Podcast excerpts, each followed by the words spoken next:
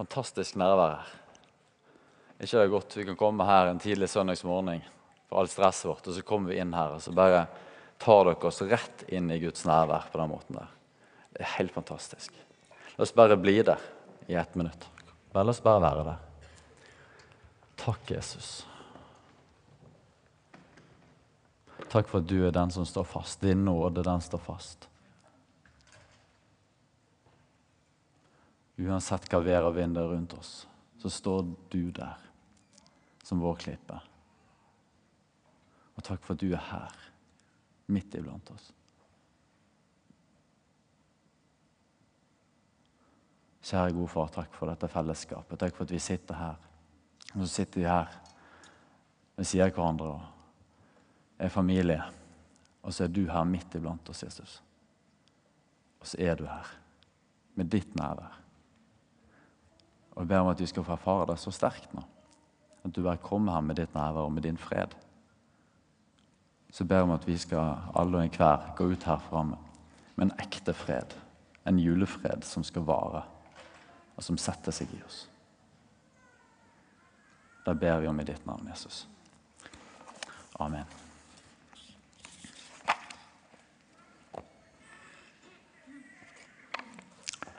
Yes. Jeg fikk beskjed om å presentere meg. Jeg tror nok De fleste her har sett ansiktet mitt, men det er ikke sikkert at alle allikevel vet helt hvem jeg er, og hva jeg gjør på i det minste. Mitt navn er Kjartan Sørheim. Jeg har jobbet her i Imekirka nå siden 2012 i diverse stillingsprosenter. Nå er jeg her på fulltid og en del av ledergruppa. Så jeg har tatt noen Martin i bevegelsen og har eh, tre ansvarsområder. Eh, jeg har jo bakgrunn som misjonær i Thailand. Har jo vært der i seks år med familien ute for Misjonsselskapet. Eh, og har jo da ansvar for vårt arbeid i Thailand i dag, som heter Thailand Christian Network. Jeg leder det. Jeg telte over her nå nettopp, og vi er faktisk i stad på syv. Det er ikke dårlig. IMI-ansatte vet du, i Thailand som jeg har ansvar for, så det er fantastisk. Så det er jo ca. en halvstilling for meg eh, å jobbe med det. Og så er jeg òg engasjert i Agenda 1 sammen med Stiv Anne Kristin og Martin og, og, hele teamet vårt der med å lede det.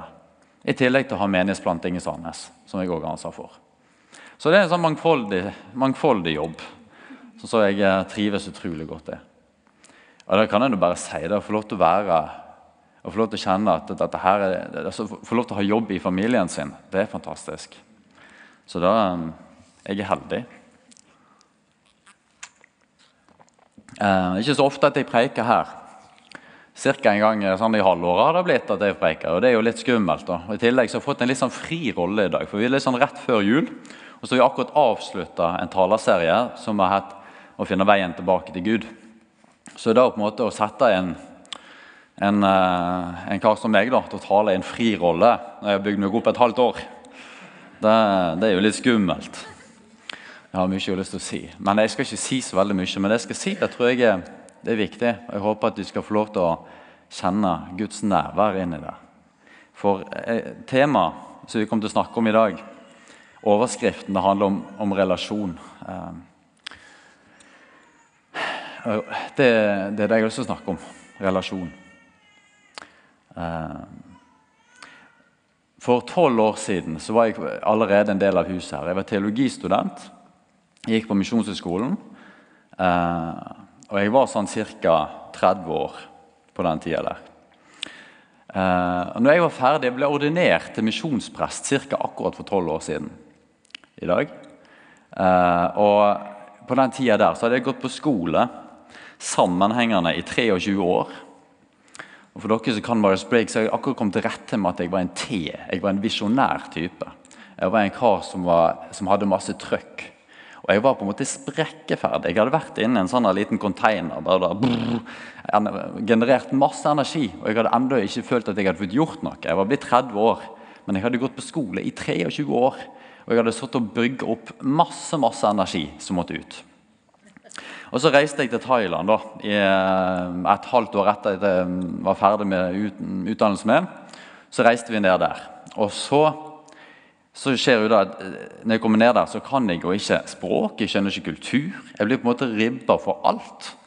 Ikke bare det at jeg begynner å lure på hva skal jeg gjøre med gresken min, hva skal jeg gjøre med alt dette her, men også, jeg, jeg kan ikke bruke norsken min engang. Sånn, skjønner dere? Altså, jeg skjønner ikke hvorfor, hvordan folk oppfører seg her. Og jeg satt der brrr, Jeg var så klar for å gjøre noe. sant? Um, når, uh, så husker jeg et halvt år etter at vi uh, Da hadde jeg begynt å kunne kommunisere litt på thai. Og Så begynte vi å samle disse viktigste uh, prestene og pastorene som vi skulle jobbe sammen med. De begynte vi å samle rundt oss. Og Så begynte vi å be sammen og skulle søke Gud for hva er det egentlig Gud har kalt oss til å gjøre her. Og Da skulle vi ha styremøter da, der nede. Og Det var en ekstrem tålmodighetsprøve nok en gang. For når jeg kom ned der, det som skjedde Da når, da samla de eh, Vi hadde kanskje begynte ofte sånn i lunsjtider, da, for vi måtte reise langt. og sånn. Begynte sånn i lunsjtider og skulle ha møtet vårt. Så hadde vi kanskje satt av tider fra tolv til tre. da. Og når vi kommer sammen, da, det som skjer, i Thailand så er det sånn at der er de veldig opptatt av dette med relasjon. En liten parentes. Relasjon i mitt, min liten, lille sånn, eh, kraftboble det var egentlig et litt irriterende element. Jeg husker Vi holdt på med disse her fem hensiktene. veldig mye som vi smelte opp på veggen her med husker dere da, målretta liv. Impuls bruker de mye fortsatt. Det var fem ulike ting som, være, som var måte, de viktige hensiktene for en menighet og for et kristent arbeid. Og Den ene var fellesskap. Og for meg så var den åh, fellesskap. Det er sant, Den der som skulle ut og handle og tjene og gjøre og alt dette, Alle disse verdiene var kjempebra. Eh, men denne relasjons-, fellesskapsgreiene det var for meg en sånn Sånn som jeg er skrudd sammen, så var den litt sånn fjern, litt kjedelig. Og så, så Det var mitt utgangspunkt når jeg kom ned der. og Her satt de seg ned og de spiste mat. Og Så vi der, og så begynte vi da, og satt de der og bare koste seg. Og, og Så gikk det én time, og så gikk det to timer. Og jeg begynte jo bare å dirre mer og mer. vet du. Sånn som jeg var. Kom til saken, da. Nå må vi jo få gjort noe her. Og Så gikk det kanskje enda lengre tid. Så var det kanskje sånn slutt på den saklista vår, så hadde vi en halv time igjen til slutt å snakke sak. Og så hadde vi rota vekk all tida på å sitte der og bygge relasjoner og, og vase. Eh, sånn var jeg. Eh, og jeg var kjempefrustrert. vet du. Eh, men for meg så var dette her en av de store læringene. For du kan si Vi kan komme ned der og bringe inn utrolig mye godt i disse kulturene der. Men en av de tingene som jeg virkelig lærte av å få lov til å være en del av en sånn relasjonell kultur, som den asiatiske, som thaikulturen, det var jo nettopp at vet du hva, dette var jo helt, helt, helt nødvendig. Jeg lærte en veldig viktig ting, at relasjon det er ingen strategi. Relasjon er ingen strategi. Relasjon det er selve årsaken til at vi eksisterer. Det er årsaken, og det er hensikten med våre liv. Relasjon er ingen strategi. Uten at relasjonen og forståelsen av den sitter i bunn, så kan du lage så mye relasjonelle strategier vi bare vil, men vi kommer ingen vei. Vi må ha relasjon i bunn.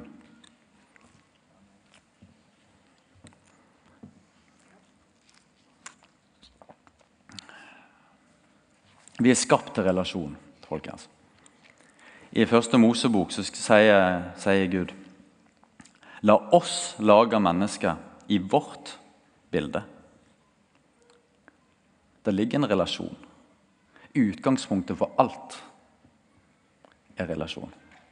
Vi har en treenig Gud som snakker i flertall. La oss skape mennesker i vårt bilde.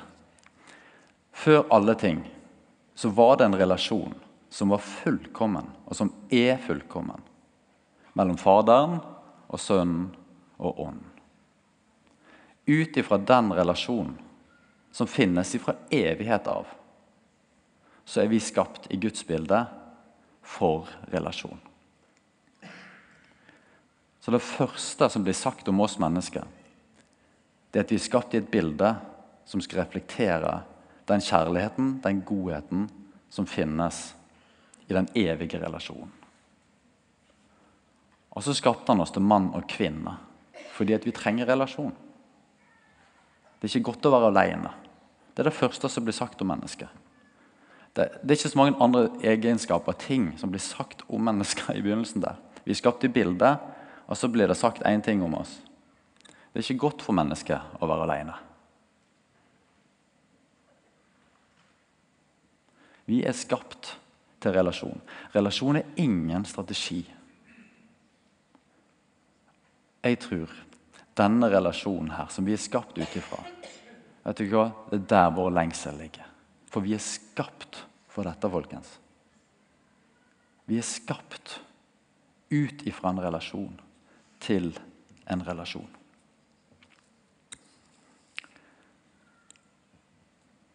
Det dramatiske som skjedde, var jo at det kom et brudd på tillitsforholdet til Gud. I det så kom det ensomhet, og så kom alle disse tingene som egentlig er en konsekvens av brutt relasjon. Vi har mange erfaringer av relasjoner her på denne jord. Eh, vi kan ha gode erfaringer, og vi kan ha dårlige erfaringer. Jeg vet Det fins tusenvis, millionervis av eksempler og erfaringer på relasjon bare i dette rommet her.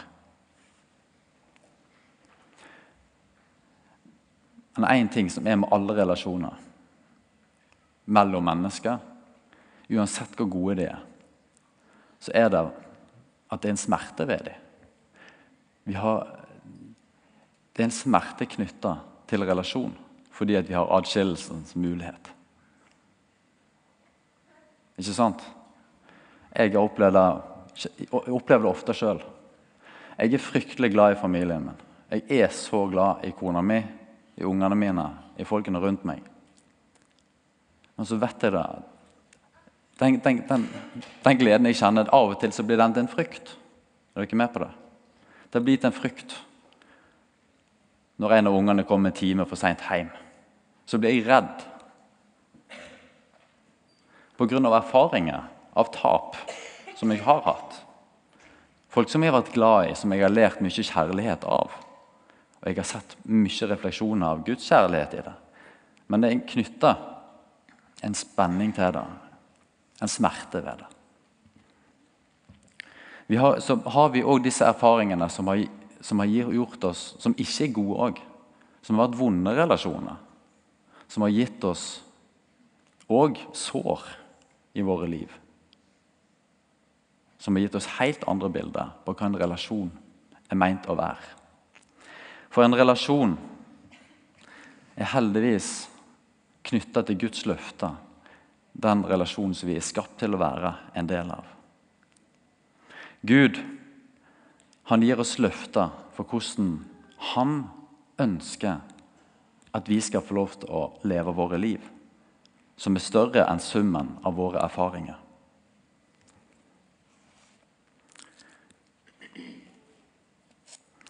Jeg har lyst til å lese eh, noen vers fra Romerne eh, kapittel 8. Vi skal lese sammen eh, vers 35 til 39.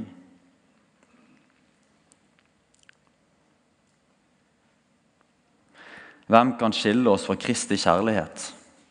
Nød, angst, forfølgelse, sult, nakenhet, fare eller sverd.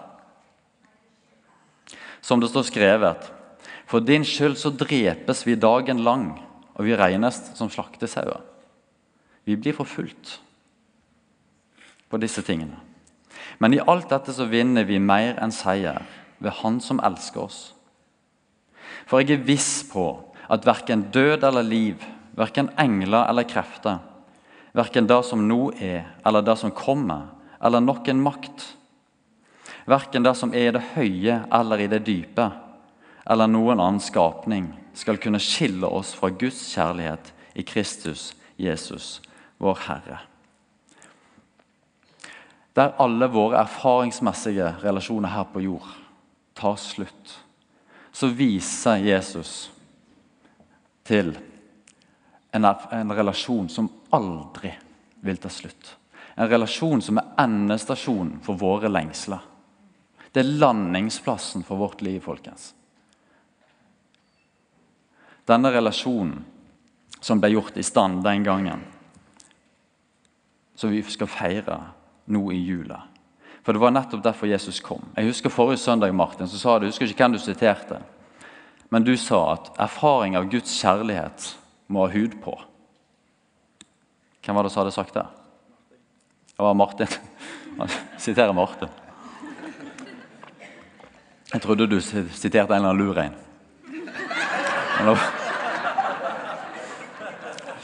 Okay. Erfaringen av Guds kjærlighet må ha hud på. Er dere med?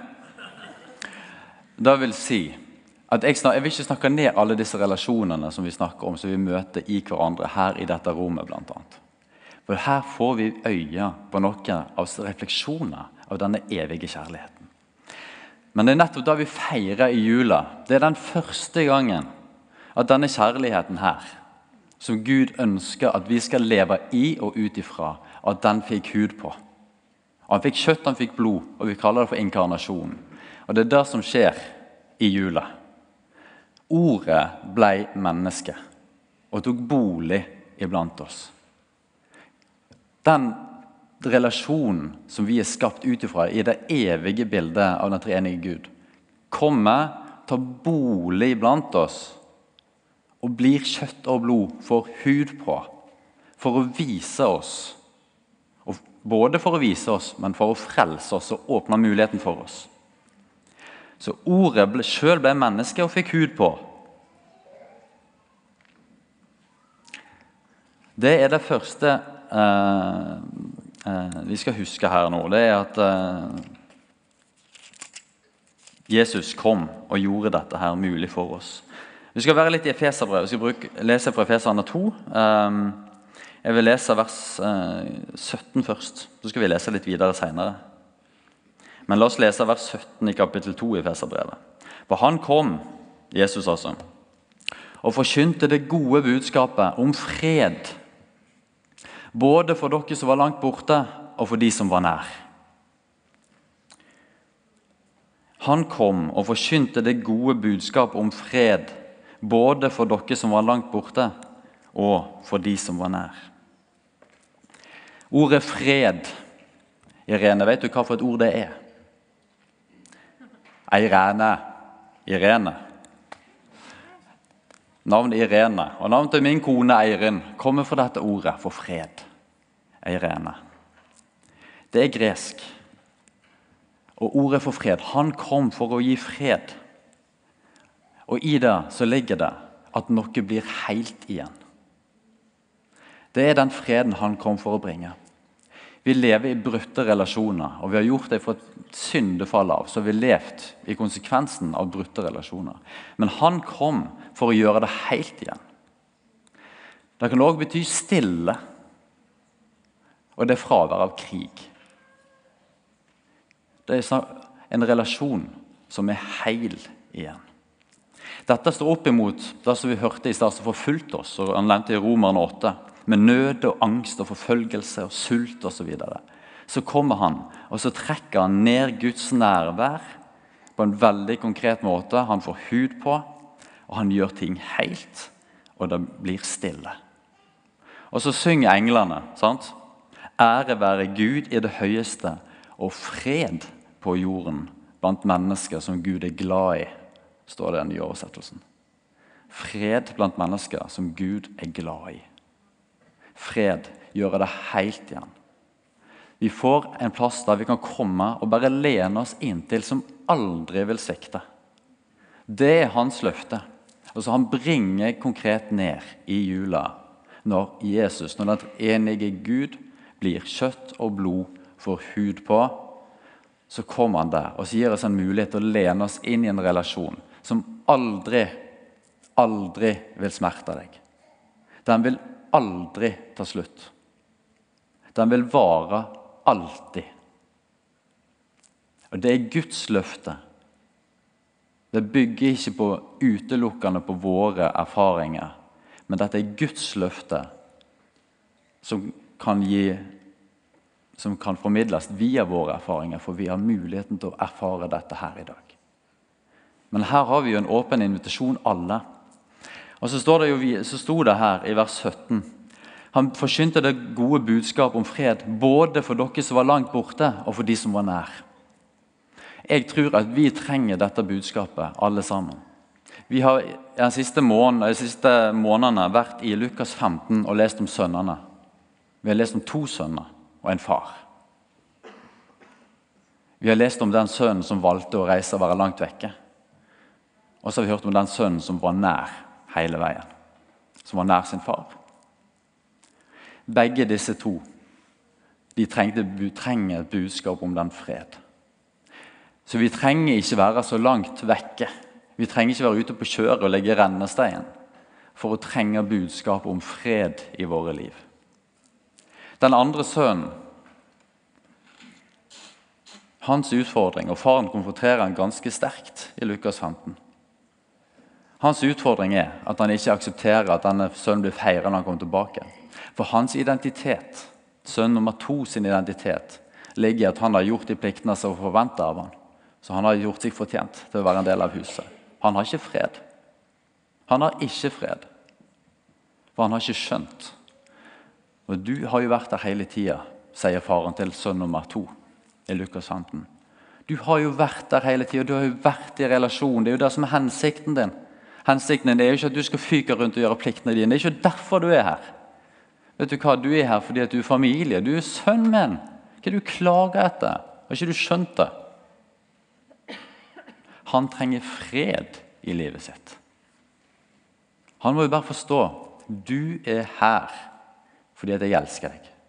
Du er familie, og du har visst det hele veien. Men han andre han var vekke, men han har kommet hjem igjen, så det er grunn til å feire. Ikke sant? Så han kom for å forkynne det gode budskapet om fred, både for de som var langt borte, og for de som var nær. Og Jeg tror det er mange av oss som er som den andre sønnen. Jeg kan kjenne meg sjøl ganske godt igjen i han andre sønnen. Som trenger å høre at denne freden, den kommer til meg. Slapp av, Kjartan.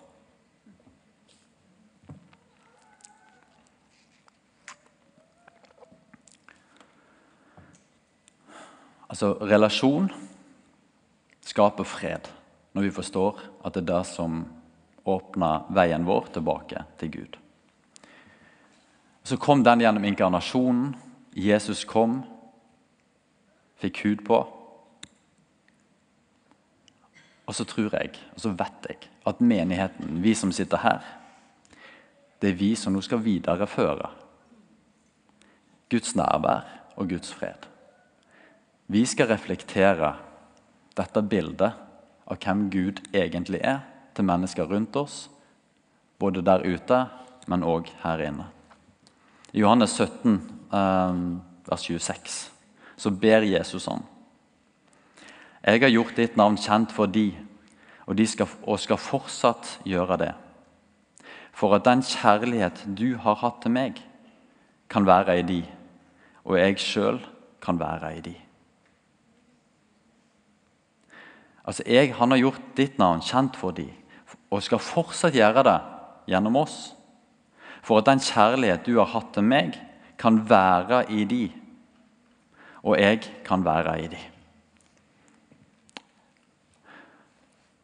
Da var Johannes 17. Og Så hopper jeg tilbake til teksten i, Efeserne 2. Jeg leste akkurat vers 17, men rett videre fra vers 18 så står det sånn. Gjennom Han har både vi og dere adgang til Far i én ånd, altså gjennom Jesus. Derfor er dere ikke lenger fremmede og utlendinger. Nei, dere er de helliges medborgere og Guds familie. Dere er bygd på apostlene og profetenes grunnvoll, med Kristus Jesus selv som hjørnestein. Han holder hele bygningen sammen så han vokser til et hellig tempel i Herren og i Han blir også dere bygd opp til en bolig for Gud i ånden. Så folkens, vi har òg blitt en landingsplass for Guds fred og for Guds kjærlighet. Jesus kom og ble det en gang for å gjøre det bare han kunne gjøre, men òg for å vise oss hvordan vi skal gjøre det. Vi har et kall folkens, til å være kjøtt og blod og få gi hud til dette håpet. Våre erfaringer med, med dette kan være også ulike. Hvordan vi har erfart andre kristne, hvordan vi har erfart menighetsliv, kirke. Her har det vært gjort utrolig mye som har gjort vondt verre. Det tror jeg vi kan være enige om. Så vi kan ha veldig ulike erfaringer av det. Men la oss ikke bare Jeg skal snakke litt om min erfaring. Jeg har lyst til å dele en erfaring jeg har hatt, som har vært veldig god. Men la oss være enige om at det finnes ulike erfaringer av, uh, av menighet. Heldigvis så hviler ikke Guds løfter på våre erfaringer alene, men det hviler nettopp i hans løfte. Så la oss legge det til sides. Men så har jeg lyst til å dele en god erfaring på hva dette har betydd for meg. Og få lov til å erfare at menigheten har gitt meg et bilde av denne kjærligheten som vi snakker om.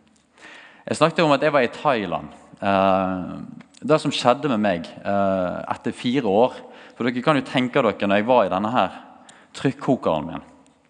Og Så begynte jeg, og så bobla det veldig. og hvert så lærte jeg meg språk. Jeg lærte meg kultur. Arbeidet begynte virkelig å få en flow. og Jeg følte at jeg var, var virkelig endelig begynt å komme der jeg hørte hjemme. Jeg var begynt å få på en måte den plassen som jeg trengte for å få lov til å bruke alt jeg kunne. Sant? Og jeg, For å være helt ærlig med dere, så var det en periode der der jeg kanskje ble litt høy på meg sjøl. Forstår dere? Ja, Det er ærlig sagt, men jeg tror det er sant. Jeg var litt høy på meg sjøl. Jeg hadde misforstått en vesentlig ting her. Jeg trodde Gud var ganske avhengig av meg. I løpet av den prosessen skal jeg fortelle litt om noe, så skjønte jeg etter hvert at det var jeg som var avhengig av han. Jeg fikk lov til å være en sønn nummer to som fikk høre litt av den sannheten. som fikk høre litt av denne preiken som faren hadde til han. Men det som skjedde, var at jeg, når jeg følte at jeg var virkelig på vei på toppen Vi skulle åpne et kirkebygg i mars i 2009. Så jeg hadde vært ansvarlig for å bygge. Jeg hadde bygd på en måte både kirka, jeg hadde bygd innholdet her. og jeg hadde på en måte og Jeg skulle jo åpne denne her med brask og bram. Skulle skje på min bursdag, 24. mars. Det var faktisk tilfeldighetene som skulle ha det sånn. Men, det var, ja, men jeg, i mine øyne så var jo dette her meant to be. Nå karikerer jeg meg sjøl litt. Altså, jeg var ikke så ille, men nesten. Og så, Det som skjedde da vi kom til januar, så fikk jeg plutselig så gikk jeg sånn pang rett ned for telling. Jeg gikk helt i kjelleren. Jeg ante ikke hva som skjedde. Men plutselig så slutta bare kroppen min å virke. Jeg klarte ikke å gå, jeg klarte ikke å stå. Jeg hadde hyperventilerte nesten hele veien. Jeg var inne og sjekka blodtrykket mitt. Jeg husker ikke, jeg husker aldri sant. Men jeg hadde 190 over 130 eller noe sånt. Høyt for dere som kan det. Kjempehøyt. Farlig høyt blodtrykk. Og jeg fungerte overhodet ikke. Jeg ble sengeliggende og orket ikke tenke, orket ikke se på TV. Jeg lå der.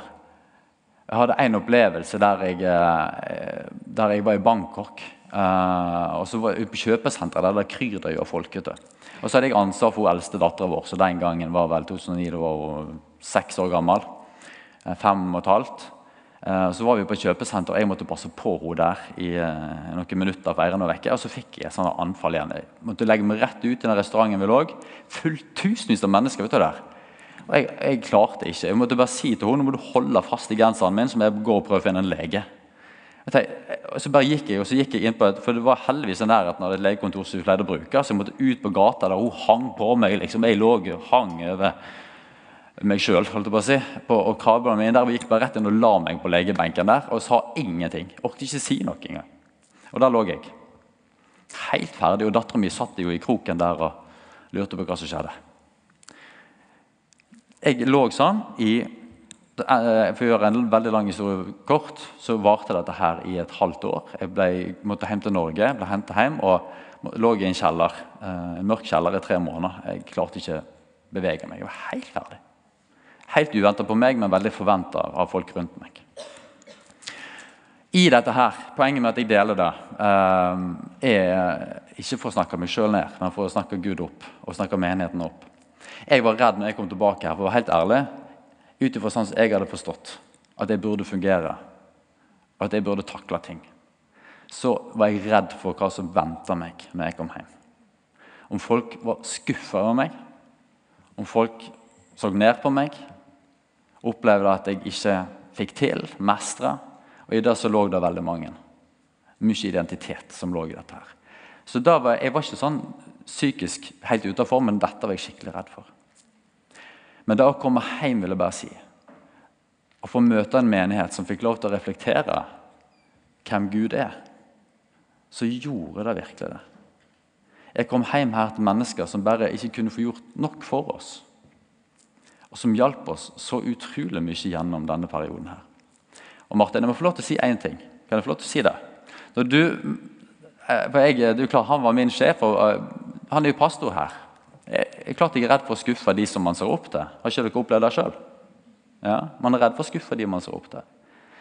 Men å få lov til å høre de ordene og få lov til å høre han si til meg Vet du hva? Du er velkommen hit uansett, fordi jeg er glad i deg. Ikke først og fremst opptatt av hva jeg kan få ut av deg, men vi har jo en relasjon. Det er jo derfor vi velger å investere tid. Og Dere aner ikke hva det betydde i mitt liv å få møte det. Ikke bare hos han, men også i andre, der jeg opplevde virkelig at jeg fikk gjort noe med min identitet. Ja. Det var mitt vitnesbyrd på hvor utrolig virkningsfullt det kan være å, å få møte Guds kjærlighet i hud gjennom menigheten. Ja. Ok, Så hvordan skal vi vokse opp til dette? For da sto det her. Hvordan skal vi få lov til å modellere dette? her? For jeg tror jo nettopp at hvis vi kan få lov til å leve i disse relasjonene, og få lov til å vokse i dette her, så vil vi bli utrolig attraktive for mennesker rundt oss. Bjørn, kan du bare hjelpe meg å sette opp, legge opp noe her mens jeg leser noe? Uh, jeg skal lese noen vers ifra um, For jeg sier det uh, Ja. Kan du bare, bare sette her, Bjørn? Venta så lenge, ja. ja. Kan jeg skrive på den, eller? Nei, du skal få Nå er det øyeblikket jeg har venta på.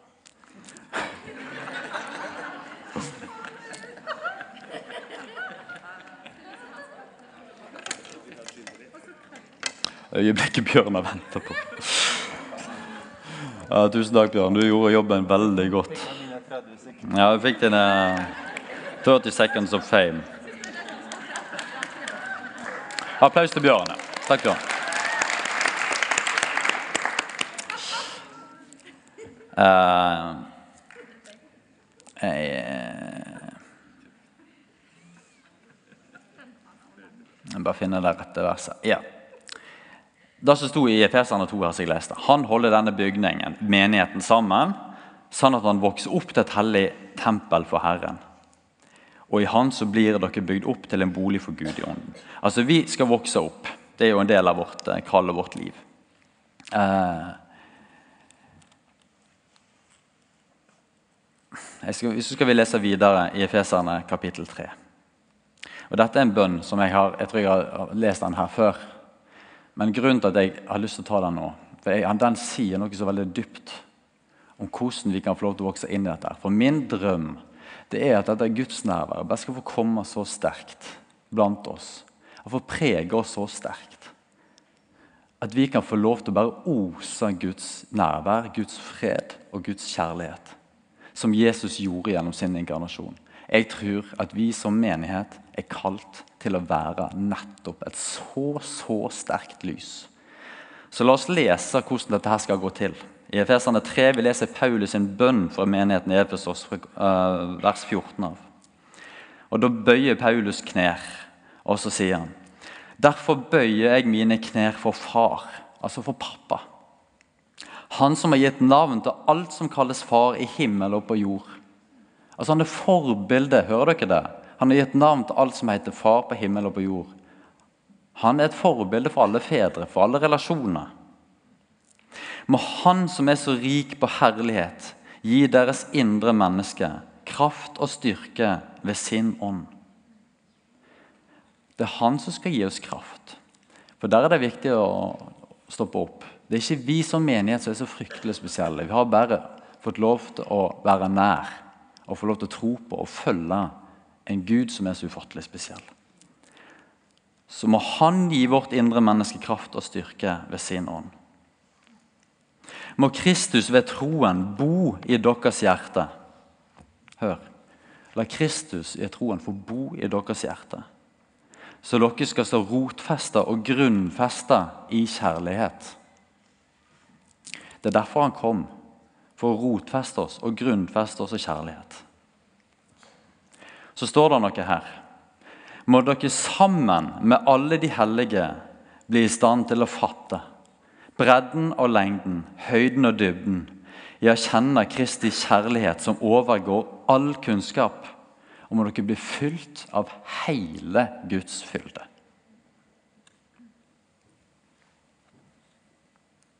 Han som virker i oss med sin kraft og kan gjøre uendelig mye mer enn det vi ber om og forstår. Han være ære i, Kristus, i Kirken eh, og i Kristus Jesus gjennom alle slekter og evigheter.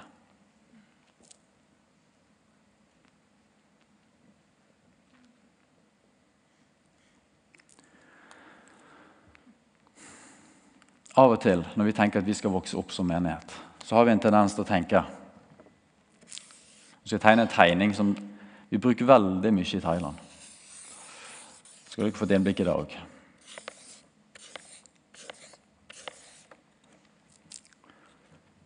Vi har en tendens til å tenke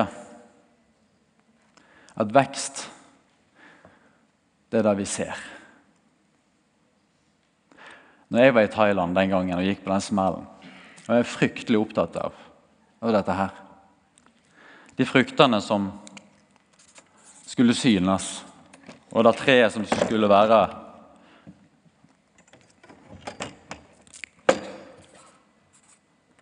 Jeg var opptatt av vekst. Og så glemte jeg at veksten i veldig stor grad skjer her.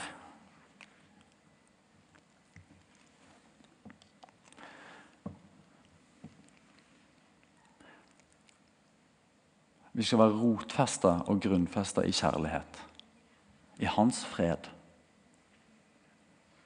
Når vi forstår, jo dypere røtter vi får, jo mer trenger vi inn i hans nærvær og i vår identitet og hvem vi er i Han. Når vi får lov til å vokse ned, så vil vi vokse opp. Og Så står det et veldig interessant ord som er viktig å få med seg. Og Det står at 'må dere sammen med alle de hellige' bli i stand til å fatte bredden og lengden, høyden og dybden av Hans kjærlighet. Igjen våre relasjoner.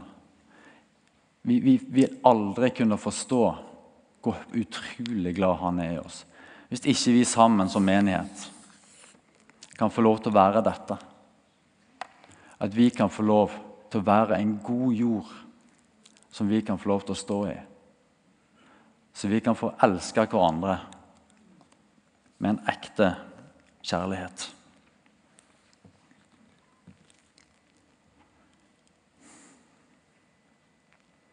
Jeg har så utrolig lyst at vi skal få lov til å bli dynka i dette. At vi skal få erfare, at vi skal få vokse ned. At vi skal få dype røtter, sånn at vi kan få lov til å vokse opp sammen og bli det store treet som han ønsker at vi skal være.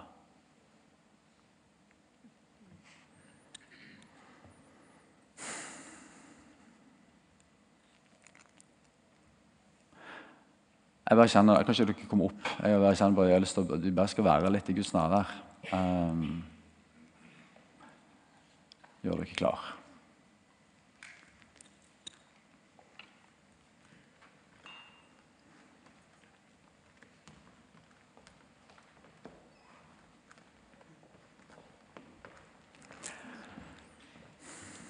Og husk det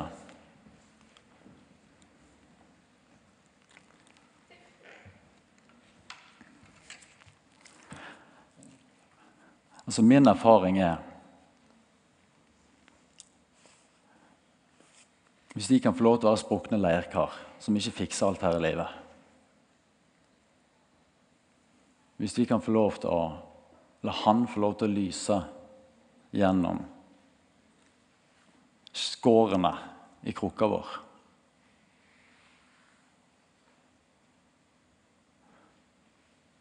så tror jeg virkelig at mennesket skal få øye på hvem han egentlig er. Hvis de kan være ærlige og prøve, prøve å elske hverandre sånn som han har elsket oss. Så kjære Jesus. Jeg ber om at denne juletida her, Jesus, skal få lov til å være en tid der vi skal få kjenne på din fred. At vi skal få kjenne på en ro som kommer over oss.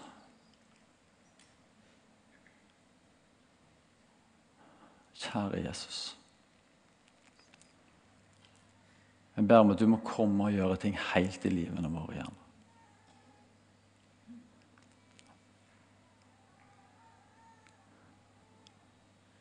Jeg ber om at du må komme og senke våre røtter dypt, dypt ned i din kjærlighet. Sånn at treet vårt kan stå gjennom alle stormer.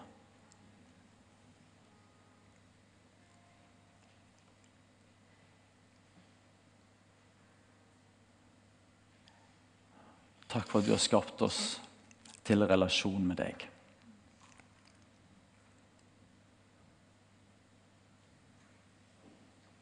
Takk for at du har skapt oss til å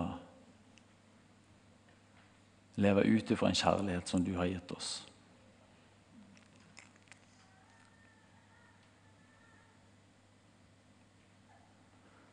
Og så ser du alle våre erfaringer våre liv som har dratt oss i ulike retninger. Gitt oss skuffelse og ripe. Takk for at ditt lys kan få skinne på dette.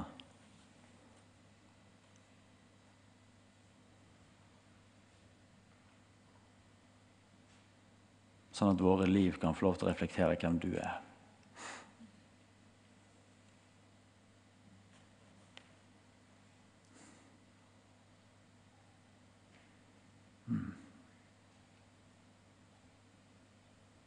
Kjære Gud.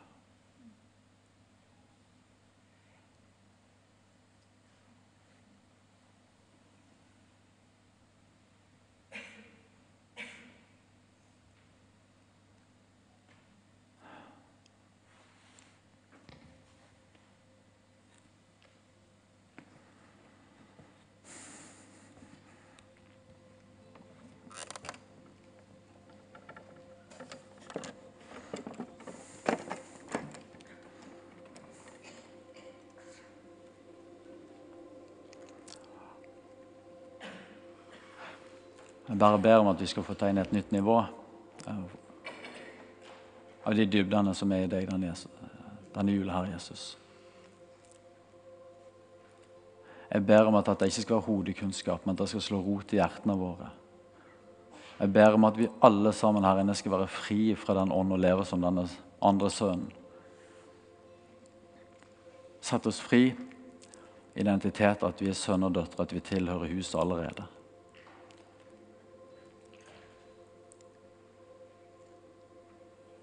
Kjære gode Gud.